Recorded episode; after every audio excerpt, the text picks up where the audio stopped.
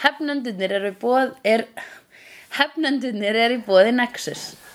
Nexus fyrir þig og þína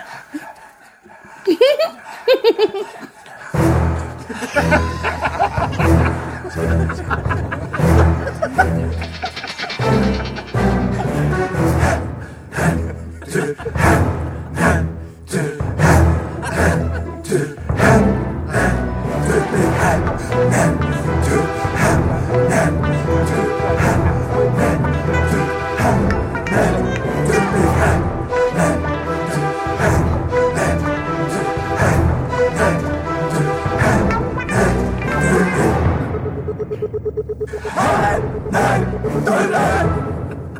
er áhugavert, ég er að skoða hérna internetið í kringum okkur. Og hérna er eh, network sem heitir Sorgloop. Já, Industries. Industries er það fyrirtæki? Já, veintalega eitthvað sem er búin að skýra vefrátarinn sem Sorgloop Industries eins og þetta sé, skilur já, það er nú fyrirtaksvísun. Já. minni mig á búlgrost tannkremið. Já. En síðan er líka sko eh, viðskiptablaðið, ég held að eigandi þess sé millusettur Miljustutur er þar sem sveppagreifin býr. Nei, Það er þar sem tinni býr það er það sem að Kolbeitt Kaftin býr. Það er sem Kolbeitt Kaftin býr. Og stundum tinni og stundum timni Já, Þeir eru í svona fjárbúðarsambandi já, Það datt maður samt í þessa klísu kendu grifjum að gefa í skínum að þeir varu samkynnegt par. Já. Nú eru við vinnir Hulli og höngum oft saman. Það þýðir ekki að við séum samkynnitt par En það er heldur ekki skrifaðar myndasögur um okkur það sem eru engir kvennkarakterir nema ein kona sem er óperusöngkona með engan kynþokka. Já, sem að sem er umdeilanlegt vissulega. Sem Kolbeitt Kaftin er alltaf reyna að forðast. Já, vegna þess að hann vill eigi væta sinn lim í kvennkyn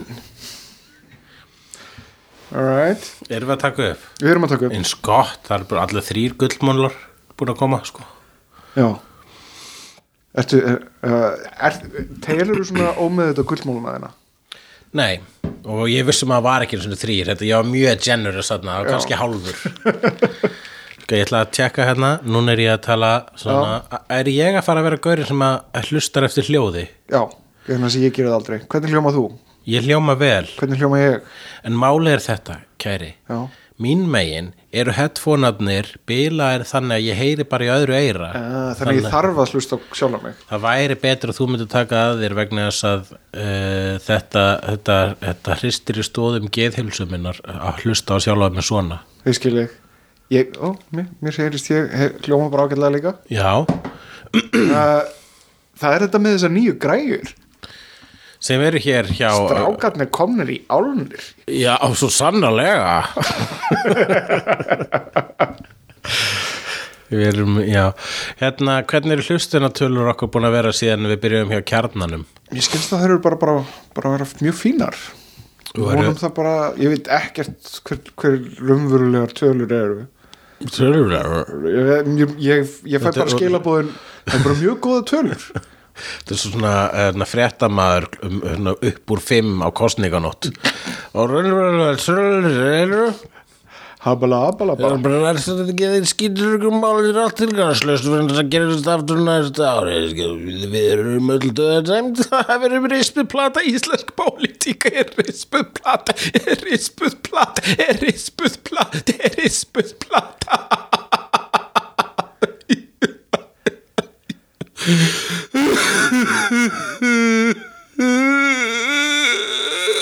Hér á eftir Talandi um- Simpson fjölskyldan Nei, þetta er rúf. Það er búin að Talandi taka það líka frá okkur. Talandi um rispaða plötur Hérna uh, Þú ert að fara að stunda svona eitthvað Groundhog Day núna. Já, kannski var ég svona andlega undirbúðum með undir það. Já, það sem að þú ætlar að, að, að endurtaka þig eitthvað rosalega mikið, eða ekki?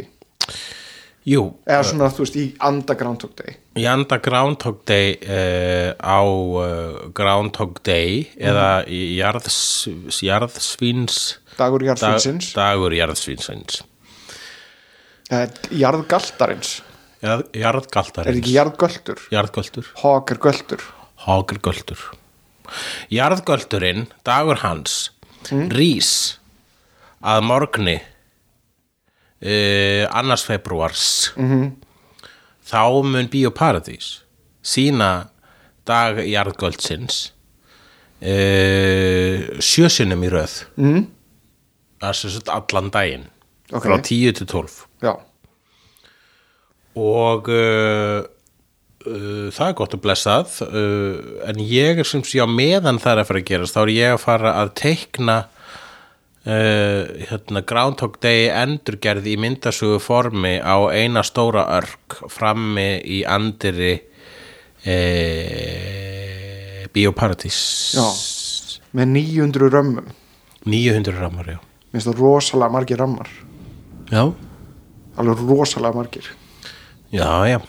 Ég hef, mitt met er sko að gera á eina örk er hérna 140 okkar ramar. Ó, ok Fyrir söguna Where's God sem var í bókinni Where's God. -hmm. En núna er ég að gera þetta til þess að auðlýsa uh, þetta fyrirbæri í Bíóparadís og líka þetta er svona, svona fyrirfram svona áminningar auðlýsing um það að Bill Murray mun koma til landsins á uh, listaháttíð þetta er Já. svona, svona formáli Heldur hann komi Já, hann, kem, hann verður að koma vegna þess að hann er að ferðast með einhverju svona strengja hljónsveit eh, Ok, ok, hann er bundin fólki. Já, hann, mun, Ok. hann mun svíkja fólk, þú veist, það er alltaf að svíkja einhverja Íslandinga Já. en hann er að svíkja sko svona vini sína ef hann kemur ekki sem eru með honum í þessari hljómsveit eða Ég held hann eigi samt whatever that is. Ég held hann eigi samt eitthvað fullt af bræðurum Kannski geti, þú veist, einn mörri bróður mætt þarna. Já, hérna til dæmis Bernie Mac. Já. Þetta er þennan Bernie Mac. Já, Kom er bróður að Bill Murray. What? Hvað hefur ekki séð Charlie's Angels og Charlie's Angels Full Throttle? Jú, hvernig læt ég? Hvernig læt ég? Um, allavega hana, við erum hefnendur. Það eru við. Og við erum komnir hingað að taka upp þátt um alls konar nörd. Hvað hefur á daga þína voðalega, voðalega fátt sem að er eitthvað marktækt. Ég er búin að vera að horfa rosalega mikið á Downton Abbey. Eiginlega allir minn frítími hefur farið í það. Þú ert bara búin að taka svona downtime Abbey. Já. Uh, þótt að, ég veit ekki ég, það var einhver, ég lendi í spjall út af þessum daginn, okkur var ekki komið svona Downtown Abba spúf ah, Vegna þess að uh, Já, af hverju ekki? Þetta er bara þetta hljómar eins og svona low hanging fruit sem að einhver myndi gera eitthvað við. Mm -hmm, Emmett og, ég, Og ég, þú ert maðurinn til þess, Ég- Ævar. nei, ég nenni því Þetta ekki, hljómar eins og Ævarsbrandari líka. Ég Downtown Abba. En getur ímyndað þér hérna Nei, ok, Jú. þetta, ég er ég, ég er að við erum að klára sjötta sísun í kvöld síð, sem er síðasta sísunið, Gimme, gimme, gimme a tea after midnight Eitthvað svo leys Já Upstairs, downstairs is the da da da da Eitthvað svona? Já, Já, þetta, svona það er alls konar möguleikar í bóði Ég ætlaði reyndar að reyna að skauta svona listilega framhjá þessu eftir að, að hafa minnst á þetta. Býtu, það er auðvitað meira þarna. Uh,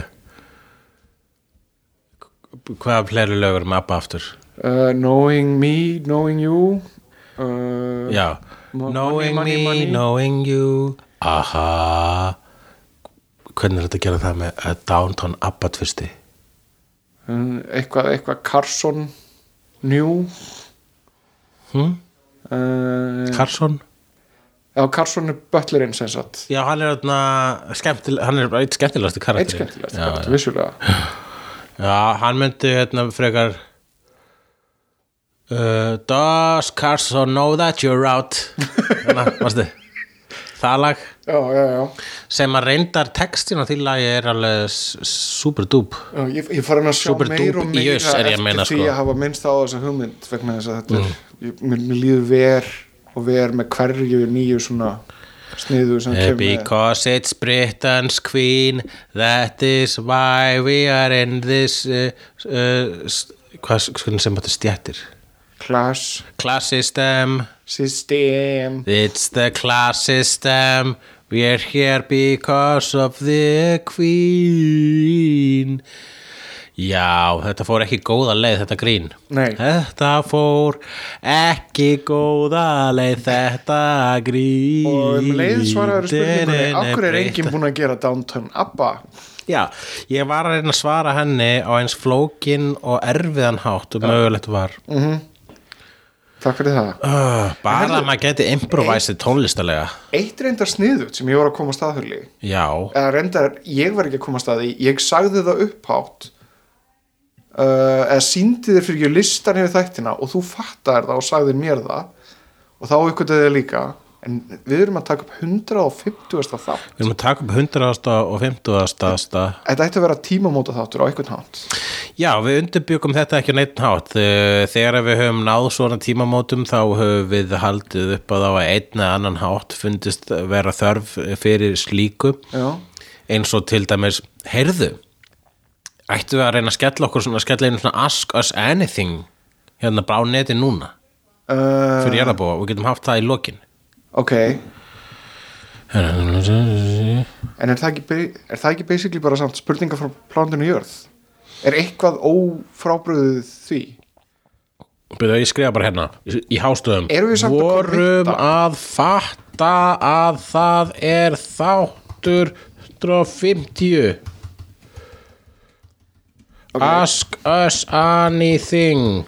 En eru við þá að kommitta á það raunverulega svar öllu eh,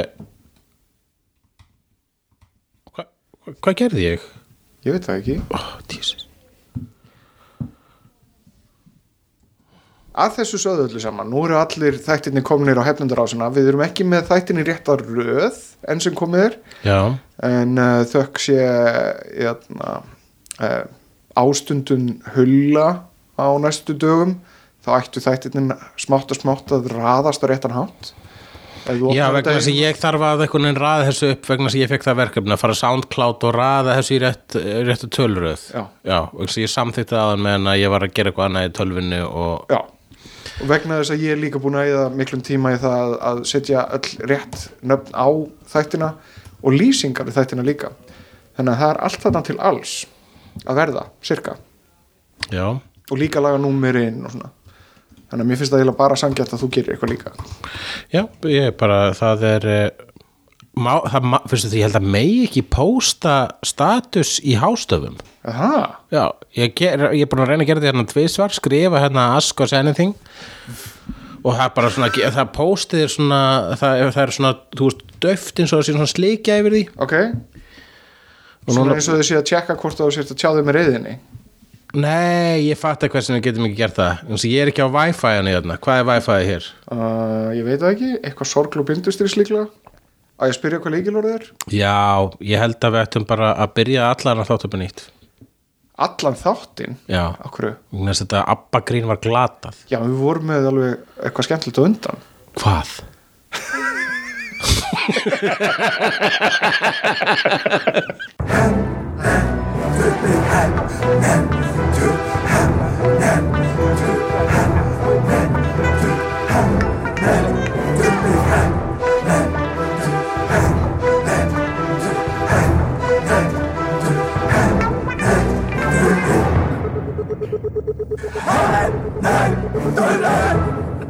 Herði, já, hérna, þetta er 150. þáttur hefnenda Já, við erum hressir og kátir Og undirbúnir uh, Undir það. fullkomlega undirbúnir um, Við um, ertu, ertu með eitthvað skemmtilega byrjun?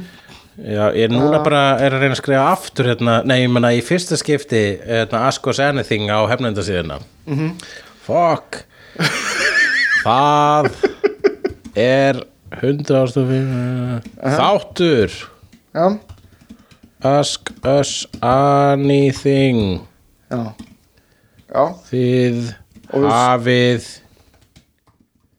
45 mínútur, klukktíma se, Já, 61 mínútu Ok, 62 mínútur flott, flott uh, Hérna Eigum við að færa okkur yfir í hvað er gerast? Eða, Já eða, uh, Já, já ok, Nei, ekki það ok fyrirgeði en þú bara íttir á rekordúsla snemma og ég er hérna bæði að skrifa á Ok, uh, ok, býta hans, býta hans Hvað segirðu, hvað er ekki Hvað er gangi sem að veldur því að ég get ekki posta þessari fucking status hérna? Þú ert komin að interneti núna? Ég er núna á internetinu og ég er búin að vera að setja þennan status alveg þrísvar Já. Já, núna kemur publish. Ok, Ok, takk. þannig að þetta er- komið published. Ok. Hvað er, hvað er að hafa þína daga drefið? Það, ég er búin að vera að horfa rosalega mikið á Downton Abbey. Downtime, það, uh, þú ert búin að vera sérst, með Downtime Abbey. Já. Svoleiðis. hvað, ég, ég var að spá í Hvað? Af hverju er ekki búin að eitthvað gera svona fyndin skett sem er Downtown Abba Downtown Abba. Fáralega góð hugmynd. Já, hún er svo góð hugmynd að ég myndi ekki geta spunni neitt svona í sambandi við það hér á staðnum sko. það er eitthvað sem uh, krefst mikils undirbúnings og vinnu Uh-huh. og bara uh, seti þessa hugmynd hérna út í eterinn, hugmyndin sem ég átti til að byrja með. En uh, núna geta aðrir uh, grínistar tekið hana að sér. Ok, ég get ekki þóst lengur. Þetta var hugmyndin mín hulju Já, ok, þannig að þú ert axl stoltur af þessari hugmynd. Þetta er frábær Já, hugmynd. þú ert Og það er stoltur óþolandi lélegri hugmynd. Að þú skildi vera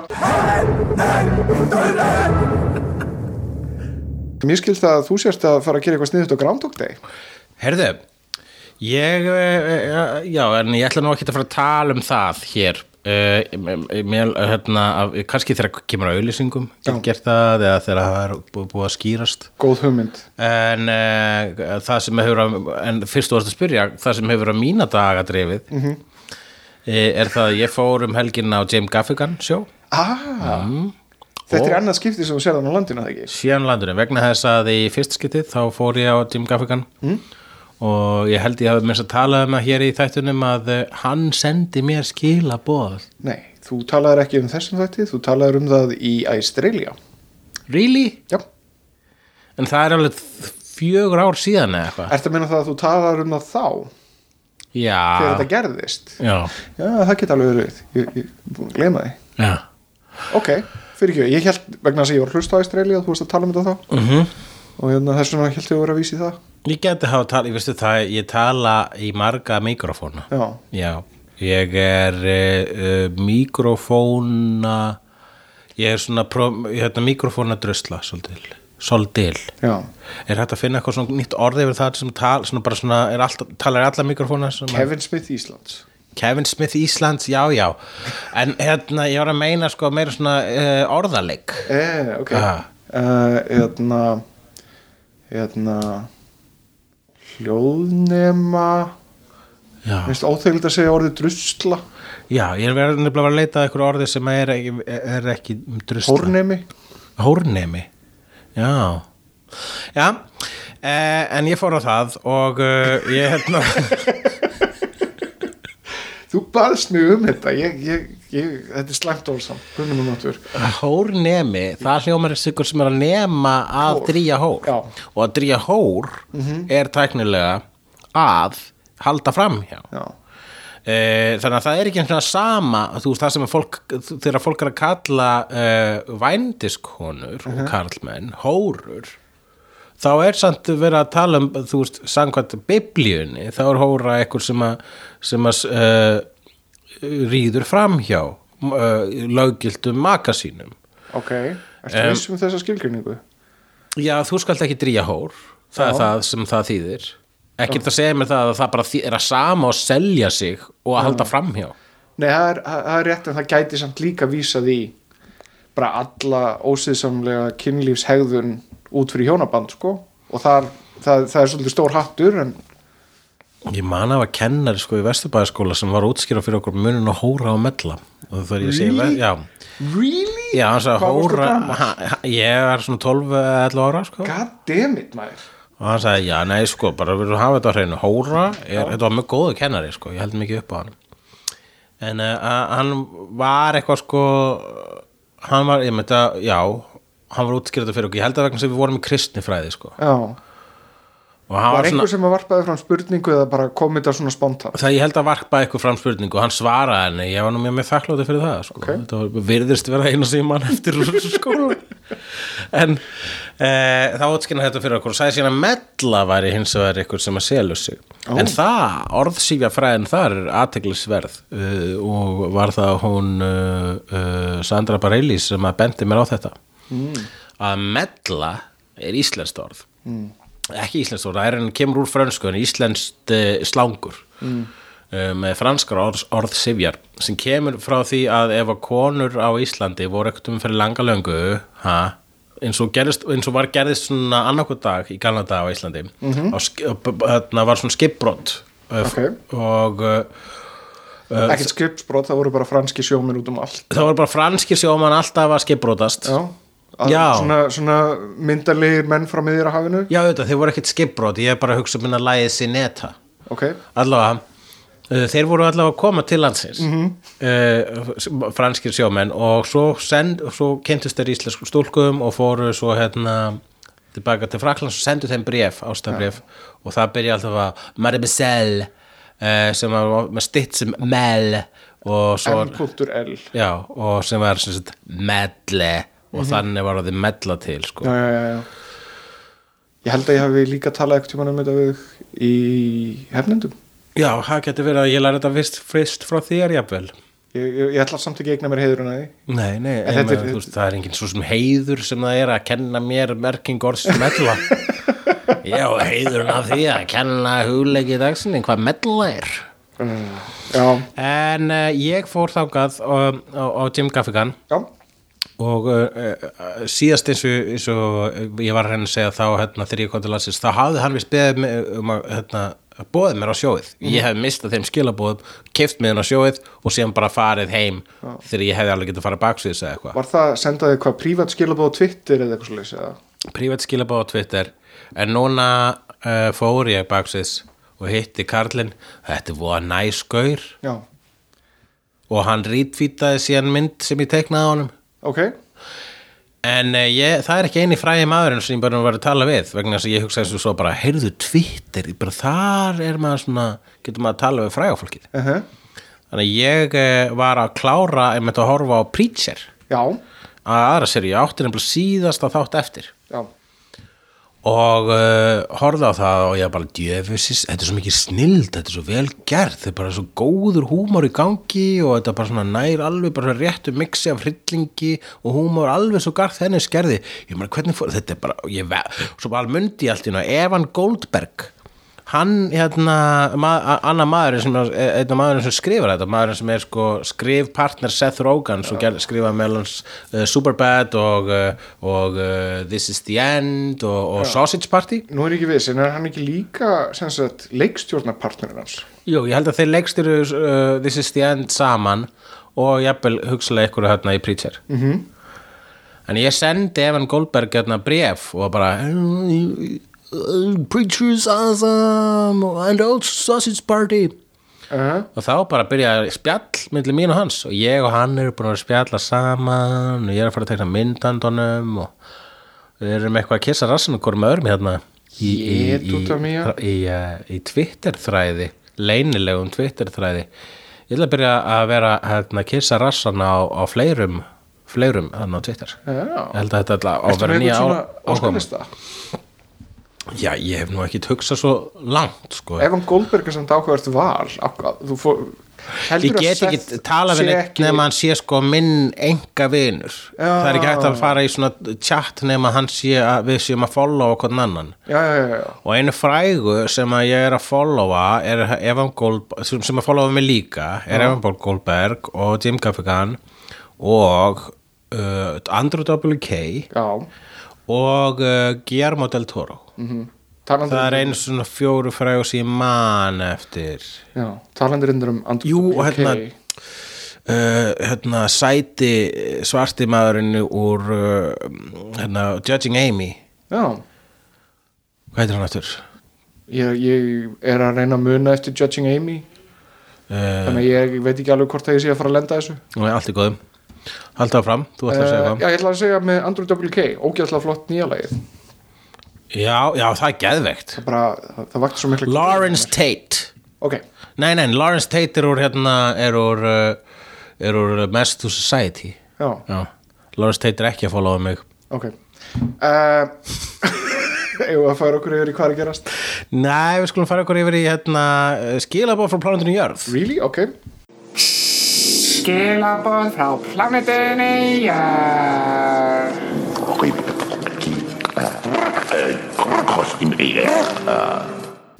þau eru að þá leiðina að ég var uh, núna að spjalla við uh, vinkonur mínar uh, fyrir utan uh, hverfskutu 12 sem er líka þetta sem nafnlausi pizzastæðurinn og þar var ég á svo tveimur vinkonum mínum og kæristu að ræða uh, Robert Downey Jr.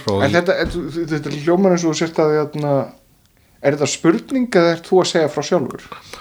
Spurning Er spurningin svona? Nei, skilabóðin Skilabúðin eru svona? Skilabóðin er alveg frá að koma Ok, ok. og þá var ég eitthvað að segja bara já en uh, uh, Iron Man er náttúrulega comebackið hans uh, uh, uh, Robert Downey Jr. Uh, þú veist uh, var Kiss Kiss Bang Bang comebackið hans nei Iron Man var það, var það. og þá var eitthvað gaur þarna sem representa plánundinu jörð og sagði já ég myndi nú að segja að það var bara eitthvað gaur sem var ekki hluta samtalinu en hann heyrði í okkur Já. hann sagði, nei, Kiss Kiss Bang Bang það er comebackið hans Robert Downey Jr. og ég segi já, en er samt ekki Iron Man það sem að sko alvöru opna aftur fyrirlands Kiss Kiss Bang Bang var bara eitthvað svona indie dæmi sem að mm. sem að komst, þú veist, hann var leki og spurning mín er þessi eða skilabóðin er basically til okkar er, er hann vil meina að Kiss, Kiss Bang Bang sé, uh, sé comebackið hans og ég vildi meina að Iron Man að vera comebackið hans Já. Hann hefur bæði rétt fyrir sér og rátt fyrir sér.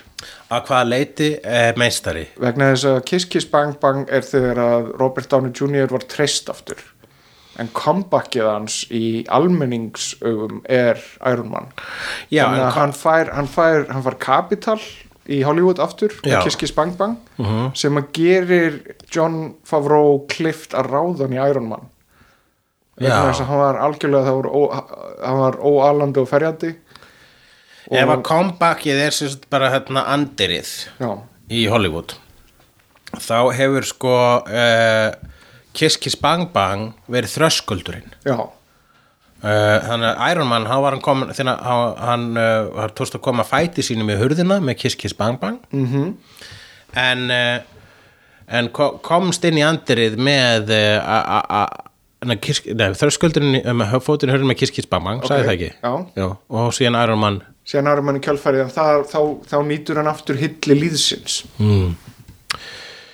Sko, svo eru fleiri spurningar frá plánur í jörð ok, og uh, þær eru hér á hefnendasíðun okkar. Við vorum að fleia þeim fram hérna rétt áðan. Erum við núna komin í spurningar frá plándi ég það bara skilabóð skilabóð, það þetta bara það eru bara skilabóð frá plánur í jörð það, var ekki spurningar frá plándi það var einu sinni það var einu sinni jingle sem var spurningar frá plánutinu jörð. Uh-huh. og svo komumst við að því að það voru ekki bara spurningar stundum Já. voru bara svona hæ, uh, með því ekki væntið þig og eitthvað svona, það er ekki spurning það er bara staðreind og, og tilfinning. Ok, ok.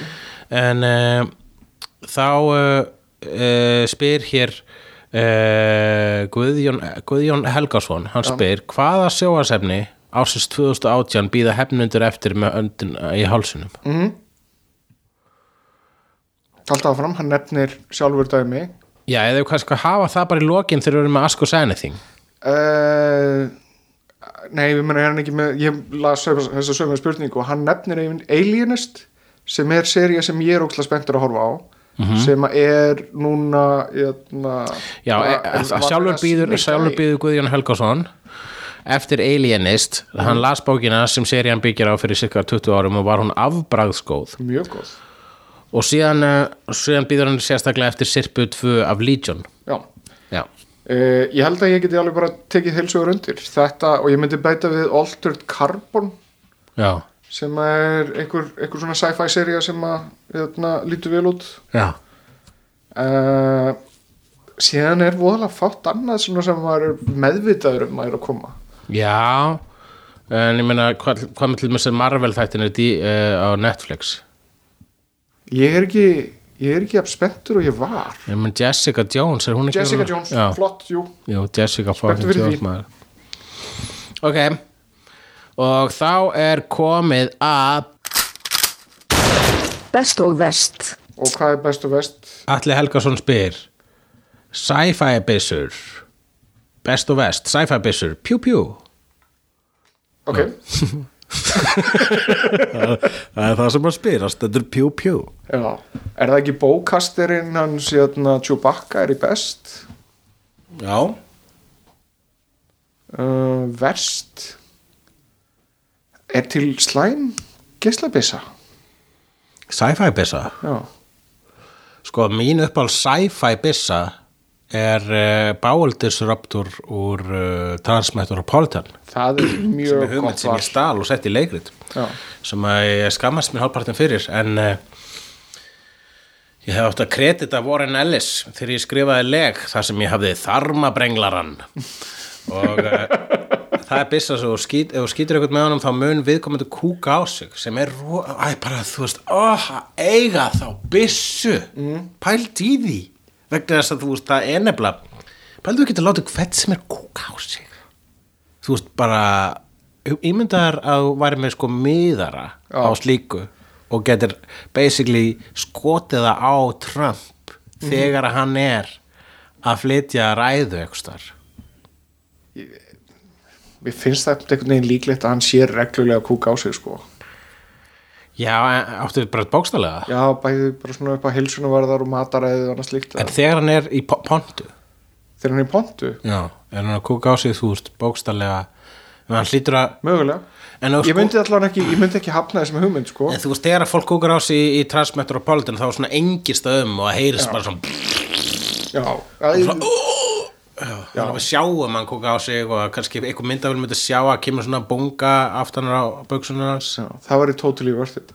Eitt reyndir sem myndi Trump fyrst að erum þannig Já, það var einhver sem sagt jötna, klámleikstjarna sem að uh, svaf hjá honum. Jú, Stormi eitthvað, ég var með þetta já. skoða viðtöl.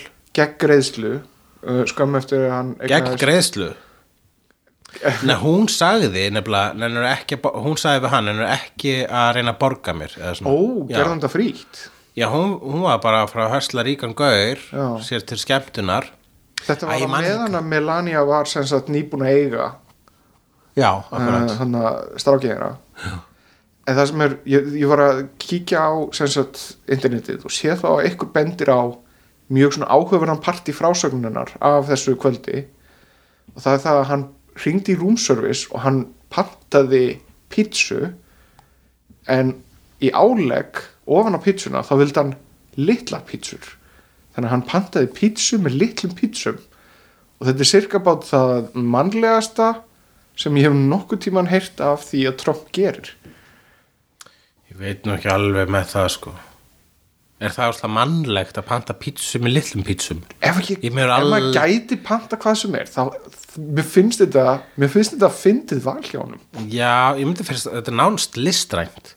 En sko uh, pizza með pítsum litlum pítsum sem eru alveg eins og alvöru en þú ert pítsur að fá, fá sko vegna þess að versti partur við pítsu er basically að þú veist, viltu meira deig? Viltu deig sem ál, álegg? Ég held að ég, veit, ég myndi aldrei borða hvort ég pítsuna varstu ég að myndi segja bara einfallega hendina á Instagram og var ég bara kátur sko. Já, kannski myndi ég síðan panta aðra pítsu eftir það. Eða borða bara litlu pítsunar alla verstu sci-fi byssunar hljóta að vera Stormtroopers vegna þess að það er hitt ekki. Það líta samt töff út. Það er hitt ekki. Já, Best og verst sidekick í bíómyndum, þáttum, bókum. Ok, bara side, best og verst sidekick. Besti sidekick. Uh, Best hérna Ellen Page í uh, Super. Hún er góð. Hún er mjög góð. myndi hitgur flokkast sem sidekick? Hún er sidekick í hans uh, Big Daddy. Já, þá er Það eru svipaðar sko. Þannig séð báðar svona, svolítið geðsjúkar. Já. Brjálaðar. Það er svolítið svona eins og Super sé raunverulega bara saga af Big Daddy. Mm, Já, já. Sko ég myndi, já ég ætla að segja Ég ætla að segja Ellen Page vegna þess að hennar saga er svo hérna Það er svo mikil dæmisaga, örlög hennar innan þeirra kvikmynda sem ég vil ekki eins og fara út í vegna þess að það er spoiler og ekki nóg margir hafa séð super en fólk þarf að sjá super. En versti, versti sidekick. Versti sidekick. Mm. Ég kannski er hann ekki það slæmur en short round í Temple of Doom. Short Round í Temple of Doom er uh, sjarmærandi lítill djöfull. Það er rétt hjá þér, fyrir ekki þau ég er bara, það er svona hann, hann mér finnst hann einhvern veginn eldast illa. Já, um, versti sidekick. Er Morty ekki frekar svona slagur sidekick? Hann er alltaf öskrandi sa, já, erum við að tala um svona, þú veist, sem, er skemmtilegast eða verst að horfa Já, ekki, ekki, ekki svo sem stendur illa sem sidekick vegna þess að Ellen Page stóð sér ekki vel sem sidekick. Nei, góð punktur. Uh, en uh, hvað hérna, hver er bara svona leiðilegur sem þólum ekki sem bara svona uh, Jar Jar. Hann- er hann sidekick? Já, hann er sidekick Jedi hann er alveg típiskur side- sidekick hann er með sína eigin litlu sögu og allt saman. Hann er vesti sidekick efur Eh, Get, en er samt bara Jar Jar þá bara go to það er er svo mörgum flokkum ég myndi valla að segja hans er sidekick. Ég myndi flokka sem sidekick. Jaha, já, alveg tvímælust já Já, veistu, ég held að versti sidekick, ef við ætlum að fara bara í þann heim, er versti sidekick er Anakin Skywalker. Sidekick, sidekick er hans Obi-Wan Kenobi. Ok, ok. Ég get tekið undir það. Já, ég meina, þú veist, hann er svo mikið creep. Já, ég veit hann er creep hann er svo ógeðslega creepy. Mjög- eitthvað, yes your highness. Hann er, hann er mjög góð með sverð samt það, eh, það er fullt að creepum góð með sverð og, og til minnst þú getur séð það í kvikmyndir Princess Bride þá er eitt, eitt aðalcreepið mjög gott með sverð. Já, já. Og draf pappa hans uh, Mandy Patinkin mm -hmm. best og vest spá fyrir 2018 kvikmyndir spyr Alli Helgason. Uh, fyrir kvikmyndir? Mm. ég veit ekki með verst. Það er örgulega eitthvað mikið að slæm og ég, er Geostorm komin út á Íslandi? Hún kom í síðast ári á, um, Let it go, Geostorm er farið. Ég veit ekki, ég, ég, bara, ég er ekki búin að sjá hana. Ég, ég, þú hata þá mynd á þess að nokkuð með síðan hana. Nákvæmlega, veist, þetta er spá. af hverju, það þetta er detta spá. flugvilar í myndinni. Það detta flugvilar en þetta þetta þetta að vera best og verst spá eða ekki? Já, það er bara mjög slæm veðurspá í uh, Geostorm. Mm ég ætla reyndar að skjóta Phantom Thread. Ég er mjög spenntur að sjá hana. -hmm, hún er best. Hún er best uh, það reyndar er, er líka ógæslega spenntur að sjá Death of Stalin. Já, ég er líka mjög spenntur að sjá það. Uh, versta mynd sem er framöndan er, er ekki önnur? Transformers Besta spáa mín er sko hérna, þessi Black, uh, best held ég. Mm.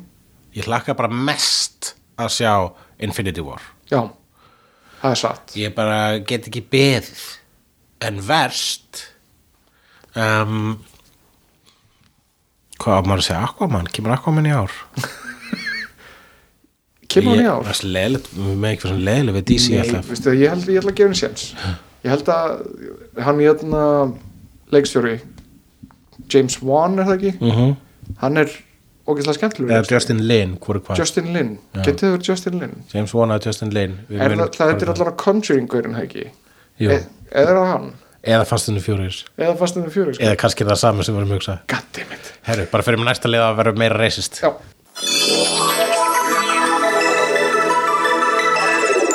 Auglýsingar. Uh, já uh, auglýsingar hérna, uh, við erum hérna uh, þú veist að stressa mig upp hérna uh, við erum við, við, við, við erum í búið Nexus Af hverju erum við svo ógisla off our game í þessu þætti? Er það þessi 100. og 50. þáttar pressa? ég veit það ekki Ég get ekki eins og sagt þetta eins og svo oft get ég ekki sagt setningar réttalegur Já, eða vel gert hjá þér. En við erum allavega í búðu Nexus sem er frábær búð og þar er hægt að kaupa alls konar sniðugt. Til að mynda nýjustu uh, bókina í Don Rosa bókasafninu sem var að koma út bara nánu daginn Aha, og er áttunda bókin í þeim, uh, þeim fallega bókaflokki. Mm hvað er það margar Já, áttandi bæk, jú, þú sagði það. Stúdfulla Við erum skemmtilegu sko. Þar á meðal Kallivala sögu þeim, þeim Kalevala, sem er finnsk uh, þjóðsaga. Já, og það fæst í Nexus vegna þess að Nexus er cool búð En er, na, byrju, er Don Rosa að gera Kalevala útgáfu af Andri Sönd? Já, það er sem sagt eitt issue eða ein saga sem hann skrifar fjallum Kalivala og er að taka inn alls konar element vegna þess að hann talaði við einhvern finskan Andrisar Andaranda á það sem að sagði hann það að í Finn, Kalivala finnskan hvað sagður þau? finskan Andrisar Andaranda Hæ?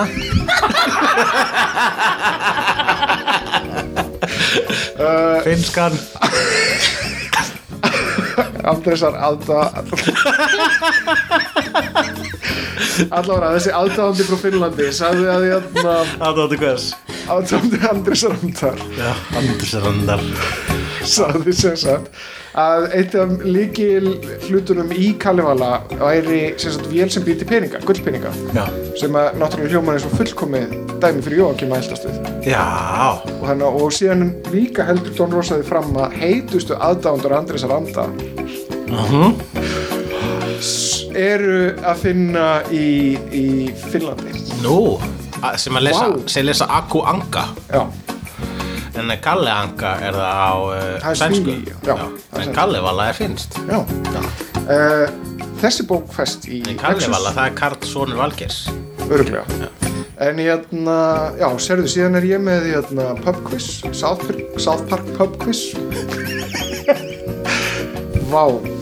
Af hverju, af hverju erum Ég veit ekki, ég veit ekki hvað er að gerast hérna. Við erum vanlega sko ekkert alveg með, þú veist, við erum oftast óttalegi kjánar en í dag erum við bara veginn, ég fyrst alltaf upplifið sjálfa mig sem bara ég, já, ég get ekki svona klára sem setning kannski er eitthvað svona sólstöðu shit í gangi. Sólstöðu shit í gangi. En á fimmtudaginn þá ætla ég að henda í eitt stykki South Park pub quiz. Á Hvað húrra dagur er þetta?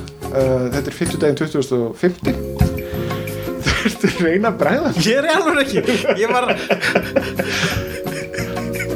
Þetta er 50 degi, 2050 Já, þetta, þetta pub quiz verður á ennsku Við verðum með fullt að skemmlega spurningum uh, Verðlaun fyrir besta liðið Fjórir hámarki liði Og fjör, fjör, fjör. Og fjör, fjör, fjör og á uh, Groundhog Day, annan februar verð ég með það sem að ég held að ég var búin að segja snemma í þessum þætti. Já, þú mátt samt alveg segja pínu aftur Ég verð með Groundhog Day gjörning á Gra Groundhog Day í Bíóparadís þar sem ég tekna Groundhog Day eigin útfærslu og þeirri sögu, sögu allan daginn. Á meðan er Groundhog Day bíómyndin sínd í bíóinu. Var ég búin að segja bíóið? Já, Já. Var, nei, Bíóparadís. Og, og að það, hún verður sínd allan daginn líka. Vissu þið það á Groundhog Day það var Netflix með Groundhog Day í bóði og síðan þegar þú varst búið með Groundhog Day þá böða What's Up Next og þá var það bara Groundhog Day allir valkostinir Já, það er sniðut. Það er til að gera það jafnvel aftur. mögulega En við erum líka, ég langar að nota tækifærið og auðlýsa fjórðu seríu af Slegðu. uh, sem er uh, Buffy the Vampire Slayer podcast. Ég og Sandra Barilli erum búin að vera að horfa á Bu- Buffy the Vampire Slayer þátt fyrir þátt. Uh, Sandra hefur ekki hugmynd um hvað er í vændum. Hún veit ekkert hvað er að fara að gerast. Þannig að fólk sem að sér hana á förnum vegi og segir, mér finnst slegðu frábært muni líka að segja henni ekki neitt sem að er að fara að gerast vegna þess að uh, hún uh, er óspjölluð að þessu leiti Mér finnst þetta nefnilega svo skemmtilegt að hérna, við erum hluti af leiniklúpi slegjendur á Facebook Já. sem að söndru er ekki bóðið í og hinga til okkur og Sandra hinga til okkur auðlýsingar Hvernig, hvernig, hvernig líður með það að vera ekki bóðið í slegjendahópin? Ég, sko, venjulega fæ ég ekki svona, hérna, FOMO En þarna uh, hefur mér aldrei liðið af mikið eins og sé verið að skilja mig út undan Já. Þetta svona kallar aftur í æsku um, þau örfáu atvik sem ég var skilin út undan. Já. Og ég fór næst í að gráta þegar ég sá lýsingun á hófnum Hérna getum við öll tala saman um Buffy og vampærsleir nema Sandra. Já, og uh, það, það sem er búið að vera að herja á minn huga undar farna daga er svo staðrind að í, í Buffy the Vampire Slayer tímalínu þá er núna sagan af, eða heimurinn að fara að tvístrast í tvent vegna þess að uh, á, þegar Buffy the Vampire Slayer fjóðaserja hefst, hefst samtímis uh, Angel fyrsta serja og ég bara einfallega get ekki ákveðið þó ég sé stundum búin að ég er actually búin að Já, ákveða það og síðan hætta við Já. og síðan ákveða og síðan hætta við. Ég er búin að setja fram skoðanakönnun innan slegjenda og flestir eru á því máli. Skoðanakönnun var þessi að það er að segja kostningarnar sem eru svo sem ekki kostningar vegna þess að eh, að ég mun eiga að loka eh, ákvörðinina eh, það var þannig að ég spurði fólk viljið þið að við höldum áfram með eh, slegðu? Þannig að við, sí, við tölum og horfum á einn Buffy þátt og svo einn Angel þátt og svo einn Buffy þátt og svo einn Angel þátt. Já, og afgræða þannig til skiptis. Eins og þetta var sínt sem er, já, eins og þetta var sínt í sjóarpinu á sínu tíma sem er raunin krónológíska réttin. Sagði ég réttin Ég ætla Já. að segja Leiðin. rétta leiðin Le- ég ég ætla að segja röðin Já. Nú, og orð eru erfið en eða að horfa á allt Buffy klára bara allt Buffy í þeirri röð og síðan taka Angel eða jafnvel sem að enginn hefur, enginn eh, hefur kosið. Þriði kosturinn er sá að horfa á heila Buffy þátturöð og svo heila Angel þátturöð og svo heila Buffy þátturöð og svo heila Angel já, það er líka möguleiki. Það er náttúrulega líka möguleik Ég- hvað segir þú, Ævar? Ég tek ekki í mál að splitta þessu upp Það er allavega tvö sísón held ég þar sem að sem sagt, þau eru í Já, flóki passaði þig nú? Já, einmitt. Á sömu Pars, rás. þar sem spoilerar eru öðru megin Já, já. það frekar. Nei, ég, ég, það er engin, ég er ekkert að fara að spoila um efnislega. Nei. Ég er að tala um þegar þetta var sínt þá var þetta sínt á CW eða hvað? Á blú, hvað sagði Þetta var sínt á einhverjum svona CW rás. Já, já, uh, bæði Buffy og Angel. En síðan fór Buffy á aðra rás. Og þá sem sagt þá hvað? Já, ég er bara að reyna að benda þér að, tala í mikrofónu þú tala ok. frá mikrofónu og þá hérna þá hérna sem sagt uh, þá splittast þetta svolítið aftur upp. Og þá hægt er að vera svona crossover þættir. En ég vil halda crossover stemningunum vegna þess að það er ógæslega gaman Já, það Já, nefnilega sko ég, ok. það sem ég hef áhyggjur af að hvað varðar að vera að horfa á Buffy og Angel til skiptis þátt fyrir þátt er uh, frásagnar högt það er samt einhver listi sem þú fannst Já. sem er svona Buffy viewing order Buffy Angel viewing Já, order og hann er alveg 80% þannig að þú horfir Buffy, Angel, Buffy, Angel, Buffy, Angel Já. nema þar kemur að þætti það sem kannski er svona two-parter eða svona heil saga það sem gerist greinilega allt í- á eh, kannski einni viku eitthvað svona Já. og þá kemur þú þá Buffy, Angel, Buffy, Angel, Buffy, Angel, Buffy, Buffy, Buffy, Buffy, Angel, Buffy, Angel, Buffy, Angel, Angel, Angel, Angel, Angel sem að ég held að sé alveg mjög góð leið að fara sem er, já, líklega leið til að fara og flestir hafa stungi upp á þessu á, af slegjendum en síðan eh, um, Þóra vinkona mín sem um, horfði á Buffy og Angel á sínu tíma, hún segi, nei það er bara allt Buffy og síðan Angel. Þannig sjá ég þetta og það skemmdi ekki neitt fyrir mér. Þannig sjá ég þetta líka. Já, það skemmdi ekki neitt fyrir mér. Og hún Anna Tara stakk upp á að þetta er svoleiðis líka. Ok, Ok. og ætlar bara að hlusta á þær? Ég, ég er, Þær eru konur. Þær eru konur og ég verð að hlusta á þær. Hashtag hlustaði á okkur helvítið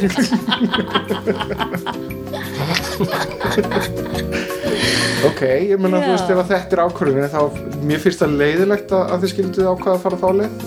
Ég, það er ekki á, ég er ekki búinn að ákveða. Nei, ég veit Og þú veist ekki ég, hvað þú átt að halda sa- samt. Nei, ég er að leggja all, allt þetta eins og bara mitt líf leggja í hendur þínar, Þannig að ég skal samt segja einn, ég, þegar ég horfði á Buffy þá horfði að Buffy og Angel saman þá var það sem sagt af vídeospólum. Já, þannig að horfður á fjóra í, í senn. Fjóra í senn, alltaf fjóra Buffy og fjóra Angel. Já, þannig, að- og þannig, þannig leiði ég settin sko. þannig að þetta geti verið ég veit það ekki, ég veit ekki hvort hvort að það sé allt í lagi. En mér fannst stundum erfitt þegar ég sá crossover þátt og þurfti að býða alveg heila tvo þætti til þess að sjá resultið af því Já, akkurat. Haldið þið samt að ég verði ekki bara búin að gleyma Þú veist, ef við, erum- ef við erum búin að horfa á allt Buffy þá er ég bara búin að gleyma hvað gerðist. Sko, Ég man kannski, að já, þessi dó eða eitthvað. Ég, það sem ég var með svona áhyggjur af var það að, eh, að vegna þess að í hverjum þætt hverju þáttaröð þá svona eitt stór vondi kall og eitt stórt ævintýri svona, svona gegnum gangandi gegnum kaplana en núna er við að díla við tvert slíkt í einu en síðan og ég hugsa þessu svo, "Já, verður það ekki trublandi verður þetta ekki rugglandi en síðan fattaði ég að við erum ekki beint sérstaklega fókuseraði þáttur. Nei, frekar en frekar en þessi þáttur hér akkurat núna. Þannig að um, já. Einmitt. En ef við kannski færum okkur yfir í þessum skiptum máli hvenar, hvenar byrjar fjórða sísun af, af Hvað er Slayer. taka langa pásu? um, Við þurfum ekki að taka langa pásu því ég var að fá hérna ég var að heyra í uh, vef okkar vefmasta sem að sagði að, að þættinni væri tilbúnir eða þú veist svæðið okkar á internetinu væri tilbúið fyrir uh, upphall. Mhm. þannig að við kannski mögulega tökum eina viku Já. og svo erum við bara komið með okkar eigin slegður ás Já, það, kláru, það, það klárast sem sé í þessari viku Já. uh, á klárast þriða serja Já, kom þáttur út í dag Svo í- hefjum við eh, næstu þátturöð í, tökum vikupásu Ok, fyrir bríðar ok. og hefjum við næstu þátturöð eða eigum við að hana strax?